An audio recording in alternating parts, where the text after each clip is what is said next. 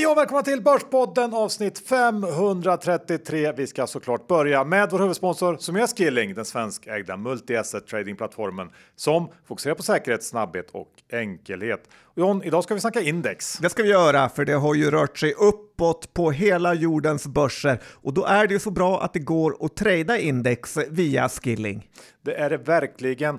Och eh, lite snabbt så kan man ju säga att indexhandel, det gör ju att man kan dra nytta av en större grupp av aktier och hur de rör sig och inte då behöver betta på en enskild aktie. Så att eh, det är någonting som man kan använda när man tror att börsen står inför en större rörelse och då kunna enkelt få exponering mot det. Ja, och man slipper bolagsrisken helt enkelt. Exakt, och Skilling erbjuder då handel i en mängd olika index CFDR. Jag tycker ni ska gå in och kolla själva och dessutom så kan man ju då numera göra det här i kapitalförsäkringsmiljö eftersom Skilling har en kapitalförsäkringslösning i samarbete med Hubins som man kan läsa allt om i länken som finns i avsnittsbeskrivningen. Har man några frågor så har de svensk kundtjänst som hjälper till i alla lägen. Men kom ihåg att 82% av alla riktiga kunder förlorar pengarna mellan CFD så besök Skilling.com för en fullständig ansvarsfri skrivning. Och John, med det så säger vi ett stort tack till Skilling! Är det två börspoddare som är på väg att gå in i väggen John? Lite så, men ändå inte. Har vi inte gjort det på tio år lär vi inte göra det nu heller. Även men man om... kan nog säga att vi aldrig har jobbat hårdare än vad vi jobbar nu. Mm, Okej. Okay. Eller? jag hoppas det, men det är ganska kul med att eh, vara aktiv på börsen. Det är nu det händer. Mm, kan man säga. Vi är vecka sponsrade av Karla som ju är Sveriges enda elbilshandlare där du kan köpa, sälja och leasa elbilar och laddhybrider online. Och John, nu är vi inne i november. Det är vi och det betyder Black Month hos Karla, vilket innebär att det är fantastiska möjligheter både om man är köpare och säljare. Ja, för de har ju riktigt bra kampanjer på de mest populära elbilarna, men har också en stor lagerfyllning under november och det betyder ju då att Karla betalar extra bra för den som vill sälja sin elbil eller laddhybrid. Ja, och jag är ju ett stort fan av elbilar. Jag har varit i Grekland nu, kört en rutten bensinbil och jag längtade bara hem till min härliga elbil. Det gjorde jag också. Och om man är intresserad av att sälja så får man ju såklart en snabb och gratis värdering på karla.se och sen om man då bestämmer sig för att sälja bilen då får man en gratis upphämtning av bilen och pengarna på kontot direkt. Otroligt smidigt och en av orsakerna till att Karla har Sveriges nöjdaste kunder. Så oavsett om du vill bli av med din elbil eller köpa en elbil så är det hög tid att passa på att surfa in på karla.se och det är Karla med C. Vi säger stort tack till Karla! Johan, Dr. Basil Isaksson, index står i 2108 och ja, som jag sa i inledningen här, det är ganska kul börs. Det är svängigt, det händer mycket, det är rapporter. Eh, navigera oss igenom eh, siffrorna. Ja, men vi sa ju här innan höstlovet att det fanns eh, kanske studspotential på börsen och förra veckan levererades det ju en riktig dunderstuds. Det var, läste jag, bästa höstlovet sedan finanskrisen. Det är ändå något. Det är ju något med Sverige att vi liksom eh, tolkar allt genom barnen. Det var inga rapporter under höstlovet. Eh, alla var lediga i princip. Ja. Eh, men nu går vi också in i en säsongsmässigt lite bättre period på aktiemarknaden, så det kanske kan bli lite andrum framöver. Men måste jag säga, det känns ändå som att vi har det värsta framför oss. Och det tycker jag är en bild som bekräftas av rapporterna. För även om resultatutvecklingen har varit helt okej okay, Eh, i och för sig delvis drivet av valuta, så har det kommit in en hel del sänkta outlooks. Orderingången överlag är nu svagare på riktigt tycker jag och det här kommer ju att återspeglas i bolagens resultaträkningar kommande kvartal och jag tycker inte att börsen tagit höjd för det i värderingarna. Ja, men jag är inte alls lika negativ där. Jag tror, som jag väl har sagt, att det är det här börsen har väntat på under en period. Att man har velat se att det ska bli försvagningar så att det kan bli bättre eh, längre fram. Så att, eh, jag är inte alls lika negativ. Tycker det ska bli härligt att titta in fram emot 2024, fram emot utdelningar och så vidare. Så att, ja, jag är optimistisk. Ja, men bra. En av varje då. Lite så, så att ingen vet något som vanligt. och nu är vi ju eh, på den tiden på året när det vankas utnämningen av årets sparprofil. Då mår man ju alltid lite sämre måste man säga. Det gör man verkligen. Det här är ju priset som inte behövs får man säga. Har du följt det? Jag har ju sett alla som har fått utnämningar att de är ute och skriver på Twitter om det. Ganska nöjda. Samarbetet mellan Lannebo Fonder och affärsvärlden om att plocka fram en sparprofil i hopp om att ja, själva få uppmärksamhet. För så funkar det ju. Det är lite så här dyngbaggegalan-varning över hela det här ja. tycker jag. Eh, de vill att det här säkert ska bli ett eh, pris eh, som liksom lever vidare av sig själv eh, senare, vilket det verkligen inte kommer göra. Eh, men kommer du ihåg vilka de nominerade är? Jag har väl sett, tror jag, Aktie Albin, va? Ja, det är rätt. Eh, kan Ara vara en? Ara inte med. Nej. Nej. men den första är ju... Någon mer? Jag, jag kommer faktiskt inte ihåg mer. Okej. Okay. Anne-Frid Huttala. Eh, säg mig inte så mycket.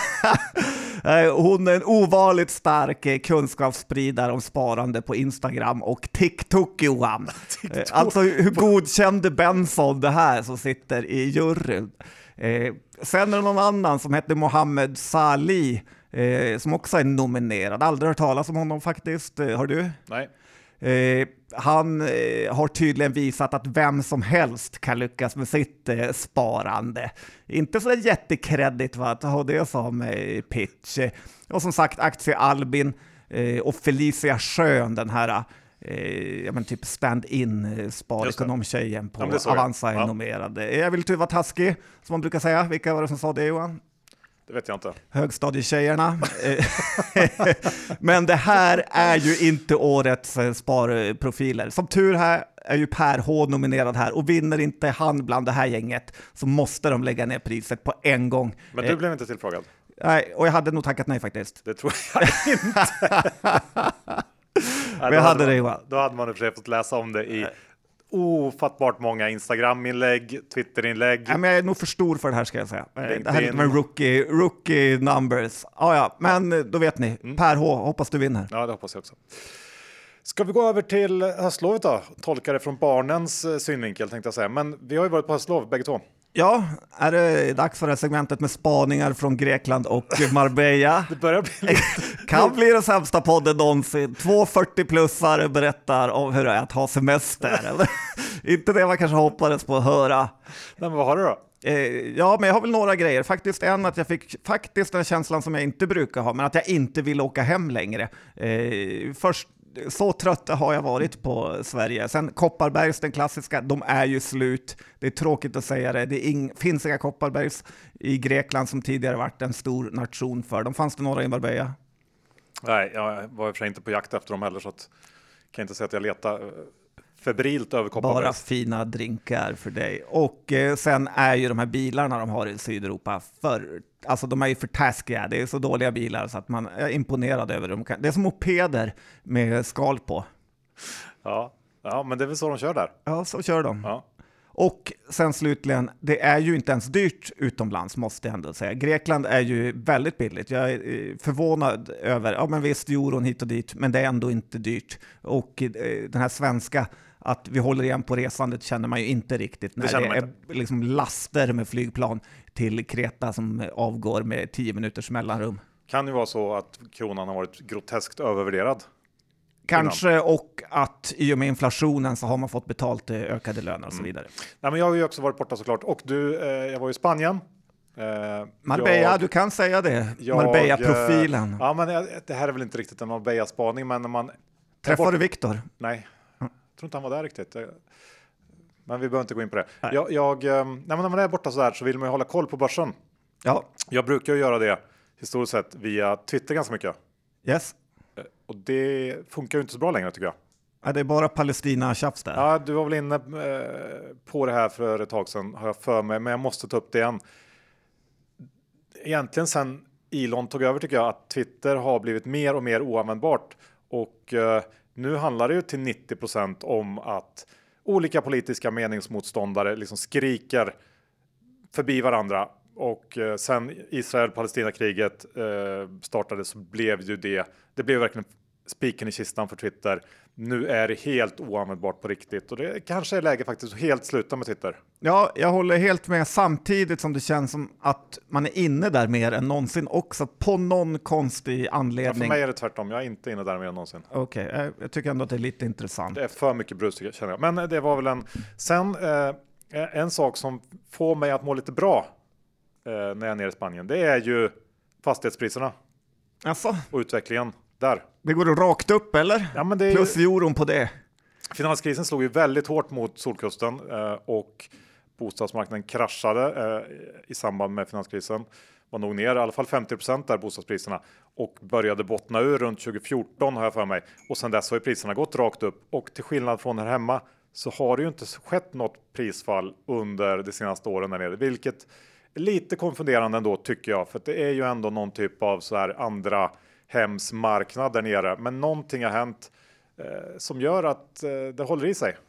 Ja, även när vi var i Sydkorea så är ju det helt absurt eh, dyrt där också. Det känns ändå som eh, Warren Buffett, buy land, they don't make it anymore, verkar fungera. Eh, såg på eh, Rapport eller Aktuellt eller vad det heter igår, att det byggs ingenting i Sverige eh, nu, alltså absolut ingenting. Så det kan säkert bli några bra år här framöver när det varit totalt byggstopp. Eh, så att eh, always invert. Ja, och min eh, sista då spaning relaterad till lovet, det har att göra med Sverige faktiskt, för att man utgår ju från Arlanda när man ska flyga. Ja, om man eh, har någon som helst värdighet. Flygplatsen vi älskar att hata ja. på något sätt. Men blivit bättre va? Ja, men och det mycket kan, bättre får jag säga. Ja, jag tänkte komma till det, men det, det, man kan ju säga att det har varit en typ av symbol för den svenska losementaliteten. eh, men det kan vara så att vi som land börjar återtåget nu och Arlanda visar vägen. Do you hear me? Ja, på en halv poäng ja. ja. Avgångsterminalen i femman är bra. Ankomstterminalen är fortfarande för taskig. Ja, och måste... alla de här foton på losers som hänger där. Ibland kände jag att jag är mycket kändare än flera av de där. Ja, det är kanske dags att fräscha upp den. Men vi har, vi har ju pratat om de här nya säkerhetsröntgenmaskinerna som är top of the line. Från eh, Kina va? Ja, och eh, de har ju förbättrat hela liksom, incheckningsupplevelsen flera snäpp. Eh, måste vara Ja, men där måste de verkligen ligga framkant även globalt sett känner jag. Ja, och en personalreducering på 80-90 procent. Ja, och inne på Arlanda så börjar det också hända grejer för där pågår det faktiskt en stor uppfräschning av hela flygplatsen. De första delarna av det här eh, är live nu så att säga. Eh, det är någon slags ny marknadsplats, nya restauranger, butiker och så vidare. En, en liksom fräschare upplevelse Ja. Märkte du att det var en liten del där som var liksom ny och fräsch? Ja, och det kommer ju rullas ut över hela. Jag känner också att det är Johan Isaksson recenserar Arlanda ja, men, till svenska folket, ja, det, att det inte behövs. Nej, men det jag vill komma till är ju att det är faktiskt ganska viktigt för att det här är ju det första och sista alla turister ser av Sverige. Och då vill man väl ändå göra ett bra intryck, eller? Ja, men så är det. Ja, och det var länge sedan Arlanda gjorde det, men nu är ju det på väg att ändras. Så att jag skulle också säga att ett BP-parti, ett vallöfte skulle ju vara att Arlanda alltid ska vara den bästa flygplatsen i Norden. Så fort de gör någonting i Köpenhamn eller Helsingfors, då måste Arlanda se till att göra det ännu bättre. Är du med mig? Ja, jag skulle säga att... Det är en eh, viktig markering känner jag. Faktiskt, flygplatsen i Istanbul är Europas bästa från en som är riktigt världsvan. Okay. Mm. Så är det. Mm. Men håller du med? Eh, ja, Står du bakom det här? Ja, helt rätt. Ja. Så, ska vi lämna Arlanda? Bra, ja. Eh, så här, eh, en slutlig grej som jag tycker vi måste förstå, det är det här med alternativkostnad. Och jag tycker du är inne på det när du pratar om att shapea upp Arlanda här. Att ju mer tid och pengar vi tvingas lägga på totalt misslyckad integration, på polisen, på, på domstolar, på nya fängelser, så är det i grund och botten totalt bortkastade pengar. Så att istället skulle vi kunna lägga pengar på det vi behöver och eh, som att göra nya vägar, ny state of the art forskning, utveckla saker, sänka skatter istället för att bara slösa bort dem på helt värdelösa saker. Och eh, tyvärr ser det ju faktiskt ändå ut som att vi inte har någon riktig förbättring i sikte här. Och eh, jag tror ändå man ska lägga en del av sina investeringar utomlands, för det är ju en liten chans att vi faktiskt inte kommer lyckas lösa våra problem. Så positiv var du. så är det Johan. Och det var en spaning då? Nej, men det kan också vara så att resten av Europa också är i samma skick, så att det spelar ändå ingen roll. Nej, det tror jag. Uh, jag känner att uh, vi kanske ska ta upp uh, det här med att Knut kom till Avanza. Eller du vill göra det. Jag känner egentligen att det är onödigt att göra. De vill ju att man ska ta upp det här. Ja, men jag tror att det är dumt av dem att vilja det. Vet, har du sett filmen? Ja. Alla har sett uh, filmen. Alltså det... när, när Avanzas nya vd kom första dagen på jobbet. Ja, och mådde du inte bra av årets uh, sparprofil så dog ju lite av det när Knut kom till kontoret. Ja, men jag känner också att de lite vill att man ska känna så.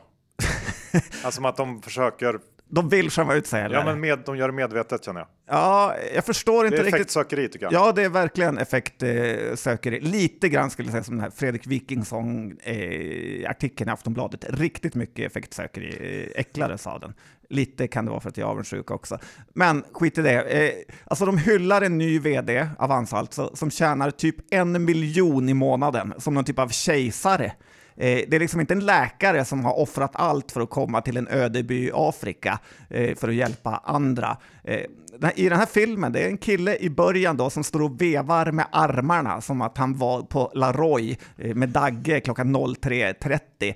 Folk kramar om varandra och nästan gråter som i sådana här amerikanska frikyrkor då Gud är inne i dem. Rickard Josefsson fattar noll på sitt eh, kontor. Det var inte så han blev eh, välkomnad direkt. Nej, men det är så här, det blir en sektkänsla över Avanza som jag inte tror är bra att de har faktiskt.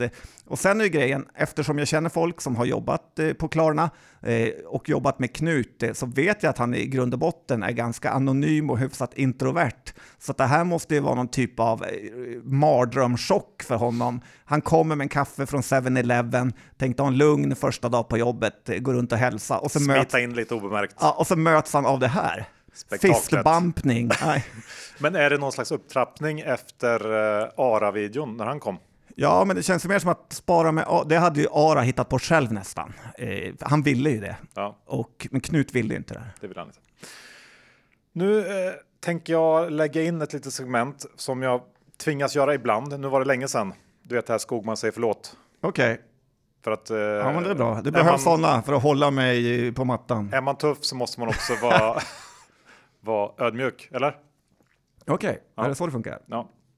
Ja, vad, ska jag, vad har jag gjort? Nej, men jag tänker att uh, du faktiskt är skyldig Mange Groth ett förlåt nu. Efter monsterrapporten för några veckor sedan. Som du försökte liksom smita undan. Den kom ju precis innan höstlovet. Och så spelade vi in ett avsnitt innan det och den kom, föll lite mellan stolarna. Och så tänkte du att nej, skönt nu släpp, kom jag undan här. Ja, jag såg också många på Twitter påminde mig om det. Men bra Mange Groth att du Mange G och hans gäng krossade. Slog över hela linjen, medvinden ser ut att fortsätta. Vad har du att säga till Mange? Nej, men jag får säga förlåt då. Ja, tack.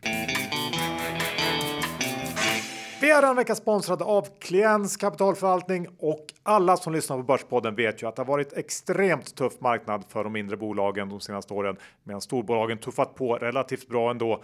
Och vågar man lyfta blicken lite grann så är det inte svårt att se att vi sannolikt är i en ganska speciell situation med väldigt fina möjligheter till avkastning i småbolagssegmentet de kommande åren. Ja, och i det här läget så är det ju perfekt att Kliens kommer lansera sin small och microcap eh, nya fond. Precis, och vilka är det som ska ratta den? Ja, men det är det man hoppas på. Det är ju Karl, indexkrossaren Sundblad och hans nya förvaltarkollega Johanna Ahlqvist. Ja, och då handlar det då om 40 små kvalitetsbolag, både från Sverige och utvalda guldkorn från övriga Norden.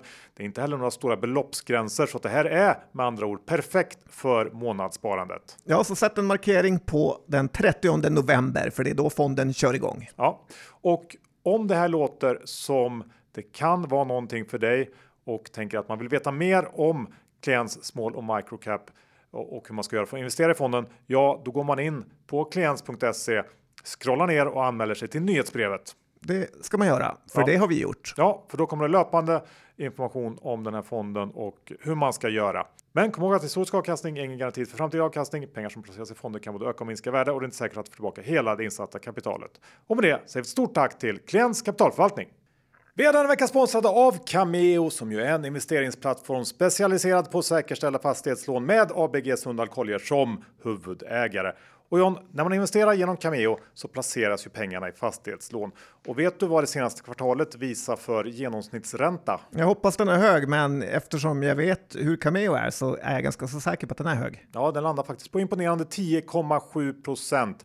Och eh, nu har ju Cameo introducerat lite nya förbättringar också. Berätta för mig, för att eh, vi har investerat med dem tidigare, vår hyresfastighet i Ronneby, men jag vill gärna veta hur de förbättrar sajten ännu mer. Ja, de har ju då infört en användarvänlig portföljöversikt som ger dig möjlighet att enkelt följa investeringarna och där får man då en detaljerad insikt i hur portföljen presterar över tid samt information då om mottagna och förväntade ränteinkomster, vilket då är lite extra intressant kanske eftersom Cameo ju betalar ut ränta till sina investerare varje månad. Ja, så är man intresserad av det här så ska man gå in på deras sajt. Det här är mycket populära lån att investera i och tar slut ganska så fort. Så se till att hålla dig uppdaterad. Ja, och eh, jag tycker också för de som tänker på risken eh, att det kan vara värt att notera att Cameo har sedan starten 2016 inte haft några kreditförluster i Sverige. Så för mer information och aktuella investeringsmöjligheter gå in på cameo.se och läs mer. Men kom ihåg att historisk avkastning inte är någon garanti för framtida avkastning. Din investering kan både öka och minska värde och det är inte säkert att du får tillbaka hela det investerade kapitalet. Och med det så ett stort tack till Cameo. Jaha, vad ska vi börja med? Vilken rapport? Ja, men ta någon du Johan, för Dra du känns tombolan. super eh. Securitas. Ja, de rapporterade igår. Det gjorde faktiskt. Jag hade ju höga förväntningar här. Ja, vi hade ju köpt lite inför rapporten Vi för att satt taggade klockan Ja. ett. ja, men på den här att det skulle vara, behövs det mer eller mindre vakter i dessa tider? Ja, mer Mm, tyvärr var det inte så. på det enkla svaret. Nej, men så här. det- Även om den organiska tillväxten var lite högre än väntat och, och eh, resultatet var mer eller mindre in line så tappade aktien 7,5% igår och förklaringen finns ju att finna i kassaflödet som var betydligt mycket svagare än väntat och givet då Securitas väldigt stora nettoskuld efter förvärvet av Stanley så är kassaflödet och då minskad skuldsättning den viktigaste punkten just nu. Och dessutom så har ju Securitas ett uttalat fokus på att leverera just ett starkt kassaflöde. Man pratar i Q2 om hur det andra halvåret skulle vara väldigt starkt ur ett kassaflödesperspektiv. Och då går det inte att komma in lite under förväntningarna, eller ganska mycket under förväntningarna på den biten. Det är möjligt att det finns en del timingeffekter som stökar till det här och att kassaflödet under Q4 istället kan överraska på uppsidan. Men eh, faktum kvarstår, det var precis det här man inte ville se just nu. Och även om jag eh, kanske inte tycker att det här sänker caset så tror jag att aktien kommer att vara ganska seg eh, fram till Q4 i alla fall. Och då kan man förhoppningsvis överraska mer positivt när det gäller kassaflödet.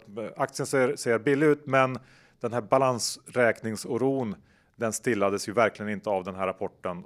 Så att eh, det är välförtjänt ändå att den tappade igår. Ja, och verkligen trist att äga en sån här aktie. Det finns ju ingenting som talar för att den ska gå upp egentligen. Det är inte så att en nettoskuld bara försvinner av sig själv. Så att, eh, nej, väldigt eh, tråkigt att se. Och nu är ju Securitas ett sånt här bolag som värderas eh, eh högre på ev-ebit än på P-tal, alltså det värsta man kan se. Och, och eh, ja, jag kommer inte köpa Securitas här så länge nettoskulden är så här hög. Det finns roligare case. Men framförallt vill man ju att den snabbt ska minska och det, när det inte går så snabbt som man hoppas på, då blir det jobbigt helt enkelt. Ja, de skulle behöva ställa in utdelningen ett år, verkligen jobba ner skuldsättningen Jag och också. få eh, starta om lite grann. Det var ju vansinnes dåligt förvärv, eller förvärvet är kanske okej, men de betalar alldeles för Jag mycket. tror förvärvet, förvärvet i, i sak är bra, men som du sa, man betalar ju alldeles, alldeles för mycket.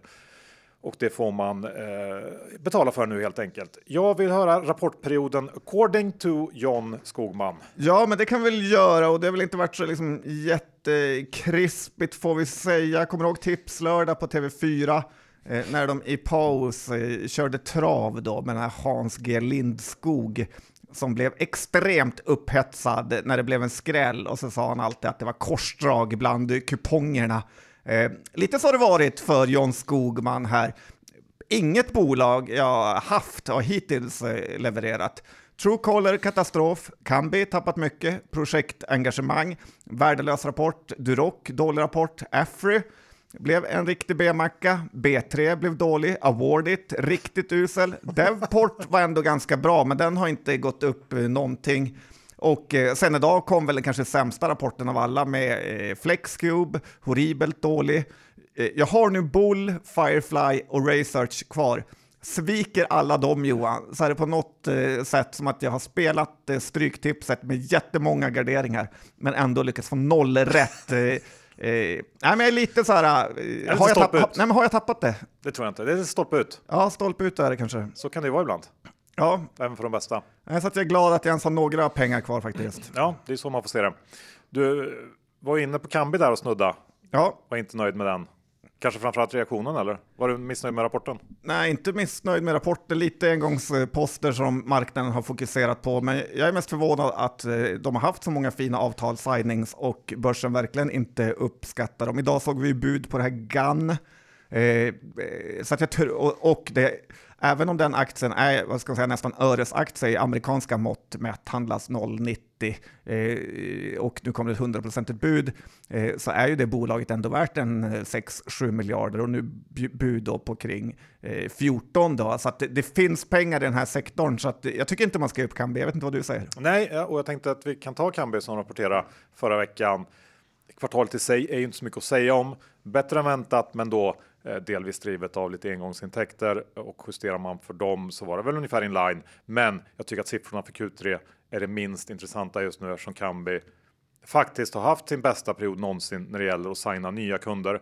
Sen början av sommaren så har man ju dragit in tre som alla är av eh, en lite större karaktär. Vi har ju Svenska Spel, Livescore Group och eh, Ballis och Livescore Group verkar aktiemarknaden underskatta rätt mycket tycker jag det verkar som. Vi får väl se där. Men tittar man på helåret så här långt så har man signat 10 nya kunder, förlängt avtalen med sju stycken varav flera är riktigt viktiga och jag har svårt att se hur någon kunnat hoppats på fler avtal och är därför lite fundersam till eh, kursutvecklingen här på slutet. Eh, flera av de här nya kunderna har också valt Kambi framför alternativet att utveckla egna lösningar och en del har till och med kastat ut befintliga inhouse projekt som som eh, Bally's till exempel. Och jag tycker att det blir allt mer tydligt hur den här inhouse trenden eh, har blivit väldigt, väldigt mycket svagare. Man får nog säga att det var en nollräntefluga, för det är en helt annan sak att ta den här typen av investering när räntan är 4-5% jämfört med noll. Och det i sig gör att jag tror att Kambi kan fortsätta att vara framgångsrika när det gäller nya kunder. Och vi kan ju ta Bally's som exempel. Jag kollar på deras rapportpresentation. Där sa de uttryckligen att man tack vare Kambi kommer att kunna minska antalet anställda med 300 personer och det är ju stora siffror får man säga. Och om man tittar framåt så är det ju så att flera av de här nya avtalen, de stora avtalen, de kommer att gå live och synas i resultaträkningen först under andra halvåret nästa år och det innebär ju att vi ändå har några kvartal framför oss som kommer att vara lite småsega. Eh, men har man varit med så länge som vi har så kan man väl definitivt vänta några kvartal till, speciellt i det här läget då. Så personligen så tycker jag nog att det aldrig sett så bra ut sett till i alla fall nya kunder som signas, pipeline och dessutom så har man ju det här modulära erbjudandet med eh, AI trading produkten som är på väg ut, ska börja säljas eh, nästa år och där verkar man tro på avtal under första halvåret. Så att det, det känns som att det är mycket som eh, pekar åt rätt håll just nu. Ja, men det här är verkligen akten som är out of eh, flavor, eller favor, vad säger man? Op flavor tror jag. Ja, opopulär i alla fall. Och eh, sen var det en bra intervju med Kambis vd igår i DI. Som, mm. Han var ganska eh, positiv faktiskt. Han är ju lite för defensiv nästan skulle jag säga, eh, för Kambis aktiekurs eh, som bäst i alla fall. Nej, men jag behåller mina aktier och eh, hoppas på comeback här under någon gång under 2024. Samma här och vi har ju haft. Och sen är det väl lite snack att de är på väg att få det här finska spel också, att de ligger i någon typ av upphandling där som vore väldigt positivt om de fick. Ja, det, den hoppas jag på och vi vet ju att finnarna håller på att upphandla just nu. Så vi får se. För de har haft SBTech tidigare. Exakt. Mm, mm. Så det är ganska så stor chans att de kommer följa efter Svenska Spel här. Det tror jag. Eh, vi går över till eh, ett lite oväntat bud som kom här i veckan.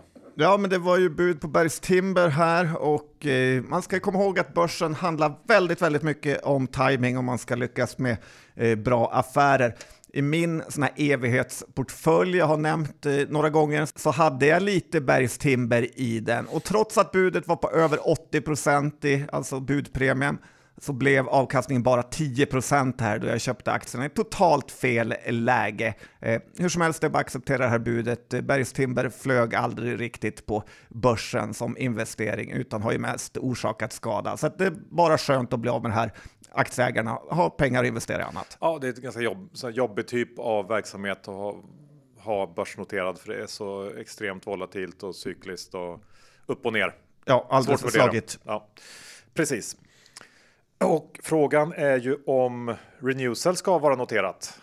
Det är det nog inte så länge till kanske. Lite tvek på den. Vi var ju med i DTV igår morse, kommenterade rapporter och fick då bland annat lyssna på eh, Renewcells nya vd Magnus Håkansson som kommenterar rapporten och framtiden. Han lär jag ju aldrig behöva säga förlåt till i alla fall. Nej, det tror jag inte. Och jag måste väl säga att efter den pratstunden så känns ju den här härvan kanske ännu värre än tidigare. Håkansson ger ju inte något toppintryck sådär, i alla fall när det gäller till möjligheten att lösa eh, det här problemen som, som Renewcell står inför. Nej, men det här är ju kommunal tjänsteman på eh, toppnivå. Jag förstår inte hur han kunde få jobbet. Eh, jag förstår inte hur han tackar ja till jobbet. Det är väldigt mycket märkligt eh, i det här eh, anställningskontraktet. Ja, men han konstaterar då att bolaget måste öka försäljningen, men verkar inte ha någon, någon liksom aning om hur det ska gå till, mer än att han tycker att kunderna borde köpa deras produkter.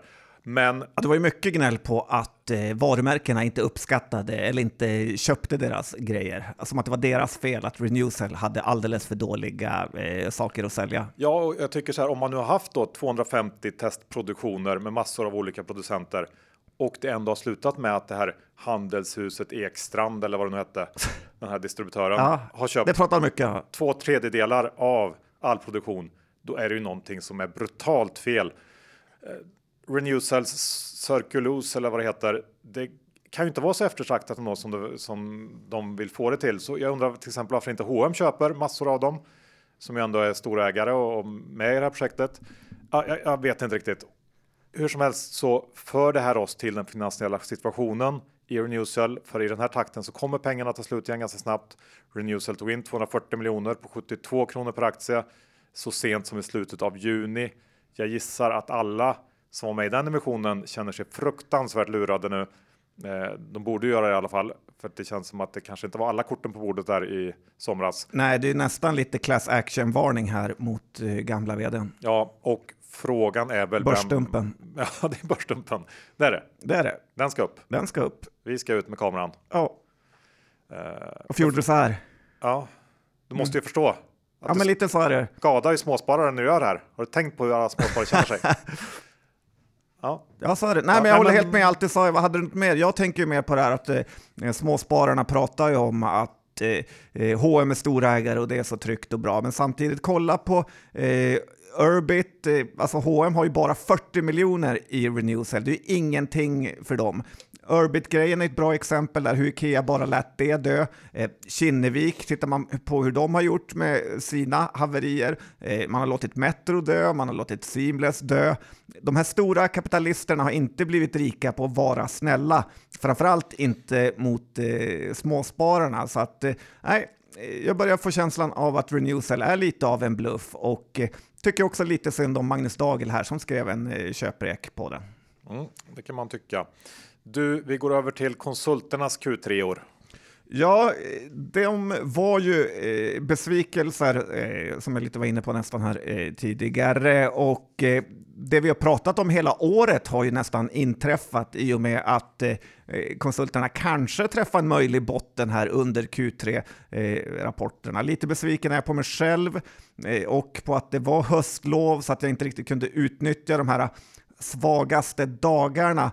Nu har vi ju bara Q4 och Q1 kvar med negativ eh, kalendereffekt. Och så har vi haft neddragningarna av bolagen, alltså de som köper konsulttjänster, men det har ändå gått ganska så bra får man väl ändå säga. Och eh, jag tror nog att man ska börja titta på att fylla eh, depåväskorna med konsulter nu framåt. Eh, ändå är jag lite förvånad över eh, hur de här aktierna lågt de lyckades falla under den här perioden. Så att tyvärr har jag köpt på mig aktier lite för tidigt. Eh, jag vet inte om du såg den här stora affären i USA, Bain Capital var ute och köpte en amerikansk jättekonsult, Guidehouse, eh, här för liksom 40 miljarder, 50 kanske. Så att eh, när riskkapitalbolagen går in så brukar det ändå andas någon typ av botten eller köpläge. Och sen ska man komma ihåg att vi har haft ganska många så uppköp av konsulter i Sverige eh, av varandra eh, tidigare. Vi har haft HiQ, Eurocon, Sigma, Avega, ja det finns hur många som helst uppköp. Eh, eh, så att det finns ganska många oväntade eh, möjligheter för bolagen. Och sen är det ju så att, vet du vad det bästa som kan hända? Nej. det är ju om, något som du borde gilla, det är ju om eh, Sverige bestämmer sig för att bygga någon typ av ny kärnkraft. För då har Sweco, Afry och alla de här eh, konsulterna uppdrag för de närmaste 30 åren.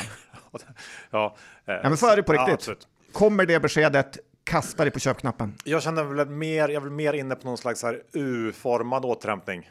Ja, mycket möjligt. Eh, segt ett tag. Ja, det kan bli segt. Så då känns det inte som att det är bråttom att ge sig in heller. Ja, det... Och för det är ganska tråkig business, eh, så att det är ju, eh, du får vänta in till nästa rapport. Ja.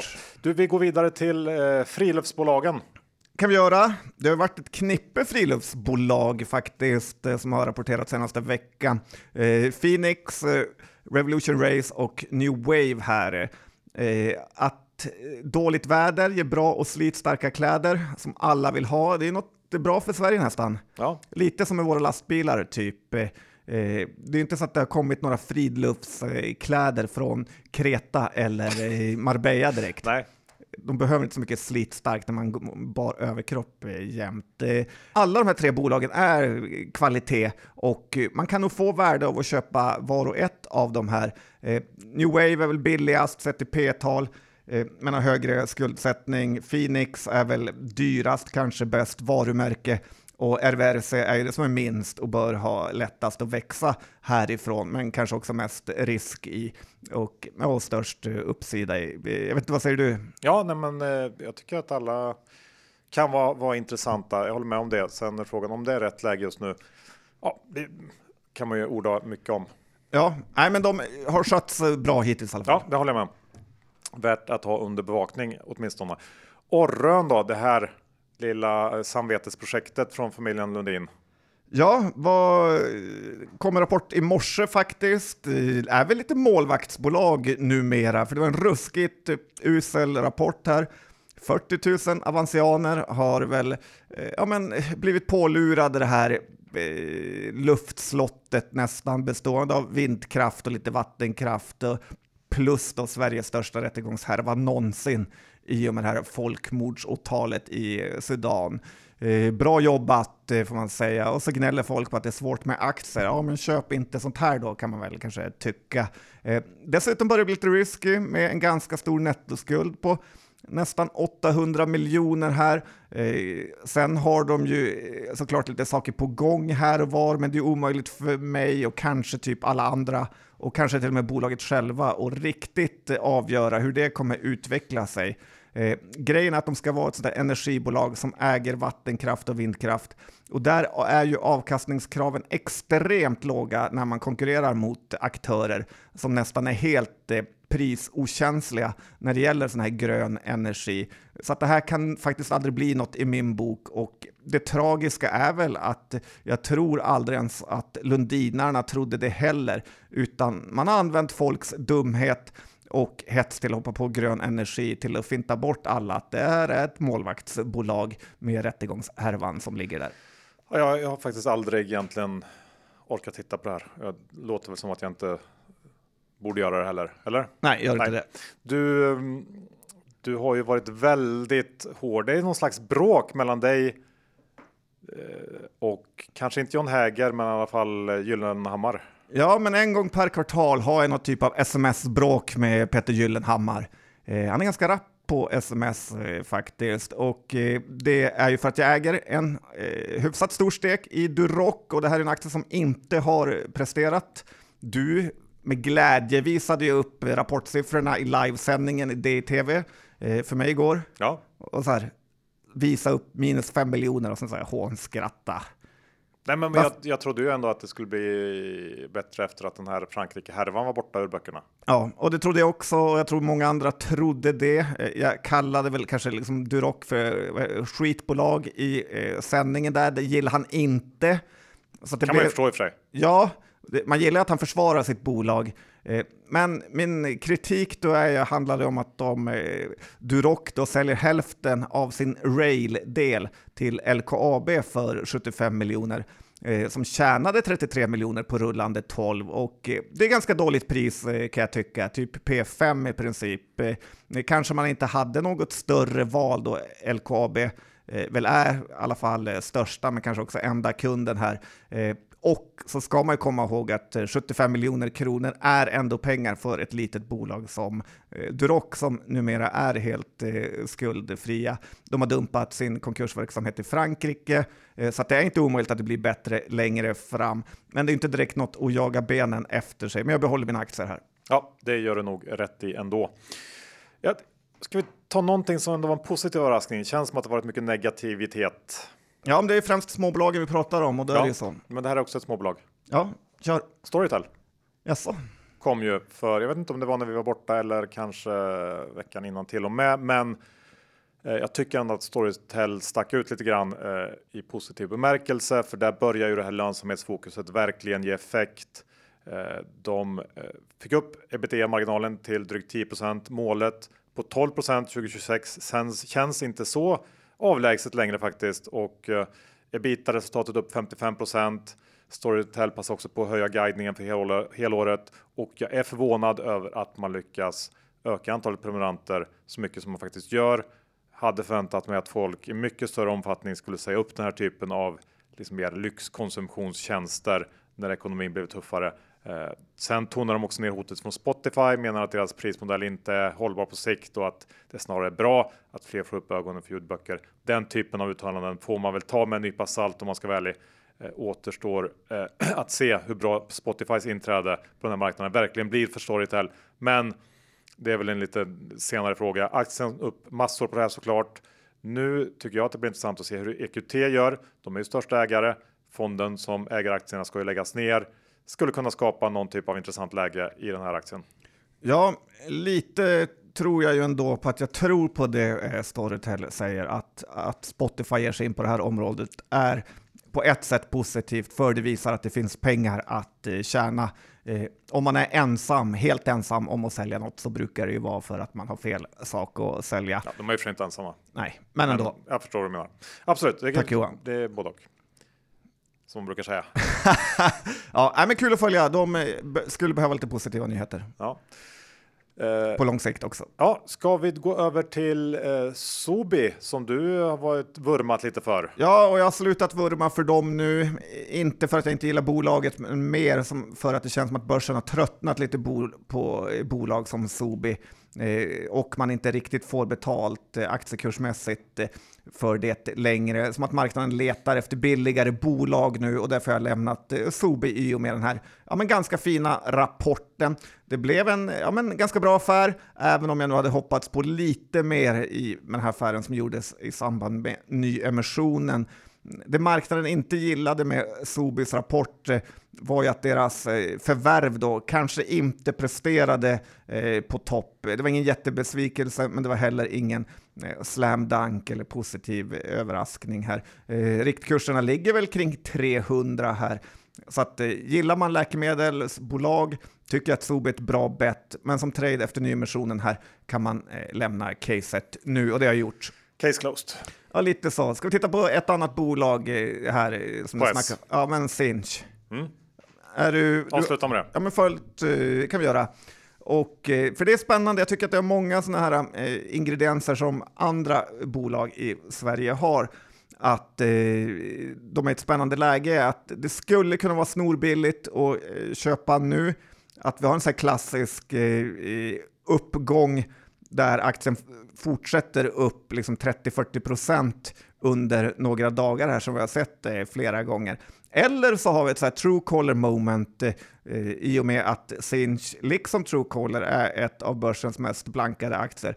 Att man går upp massor på en bra rapport för att sedan fortsätta sin nedtrend. 9 miljarder i nettoskuld lockar inte, 14 miljarder i goodwill eh, är ju andra negativa saker man inte gillar. Samtidigt är det ju precis sådana här bolag man får den högsta utväxlingen i när det vänder. Jag vet inte, vad säger du? Ja, men som jag sa där igår eh, när vi kommenterade rapporterna så tyckte jag ju att Sinch övertygar mycket mer när det gäller kassaflödet och få ner skuldsättningen än vad till exempel Storskogen gjorde. Och det är ju den viktiga delen i det här just nu. Eh, sen är det väl alldeles för tidigt att säga om det här är. Det, är inte klart på något sätt, utan eh, ja, det krävs ju fler positiva kvartal. Men det var en bra start i alla fall. Verkligen. Slut på avsnitt 533. Vi säger stort tack till Skilling som är vår huvudsponsor. Gå in och öppna konto om ni inte redan har gjort det. Men kom ihåg att 82% av alla rita kunder förlorar pengarna om man har CFDR. Så besök på för att få sin ansvarsfri skrivning. John, hur är det med innehav idag? Kambi har vi eh, i alla möjliga portföljer. Eh, I övrigt vet jag inte om det är någonting som jag sitter på. Hur Ser ut för dig? Konsulter har du väl? Ja, det har jag ett gäng av. Eh, Afri kanske största på lite B3. Ja, jag gick igenom dem i början där. Sen har jag Duroc också. Tänker inte låta Gyllenhammar komma undan mig och mitt gnäll. Nej. Eh, nej, men det är väl det. Ja, bra. Då säger vi så. Tack för att du lyssnade. Hörs Och sen, vänta, jag ska säga att Va? vi har jättemycket av eh, största härvan av alla Flexcube. Ja, jag tror med att det var ett litet utrensningskvartal och nu kan det börja vända uppåt igen. Det hoppas vi. Det brukar vara så när det kommer en ny vd. ska man inte glömma bort. Tack för att ni lyssnade. Vi hörs nästa vecka igen. Hej då! Det gör vi.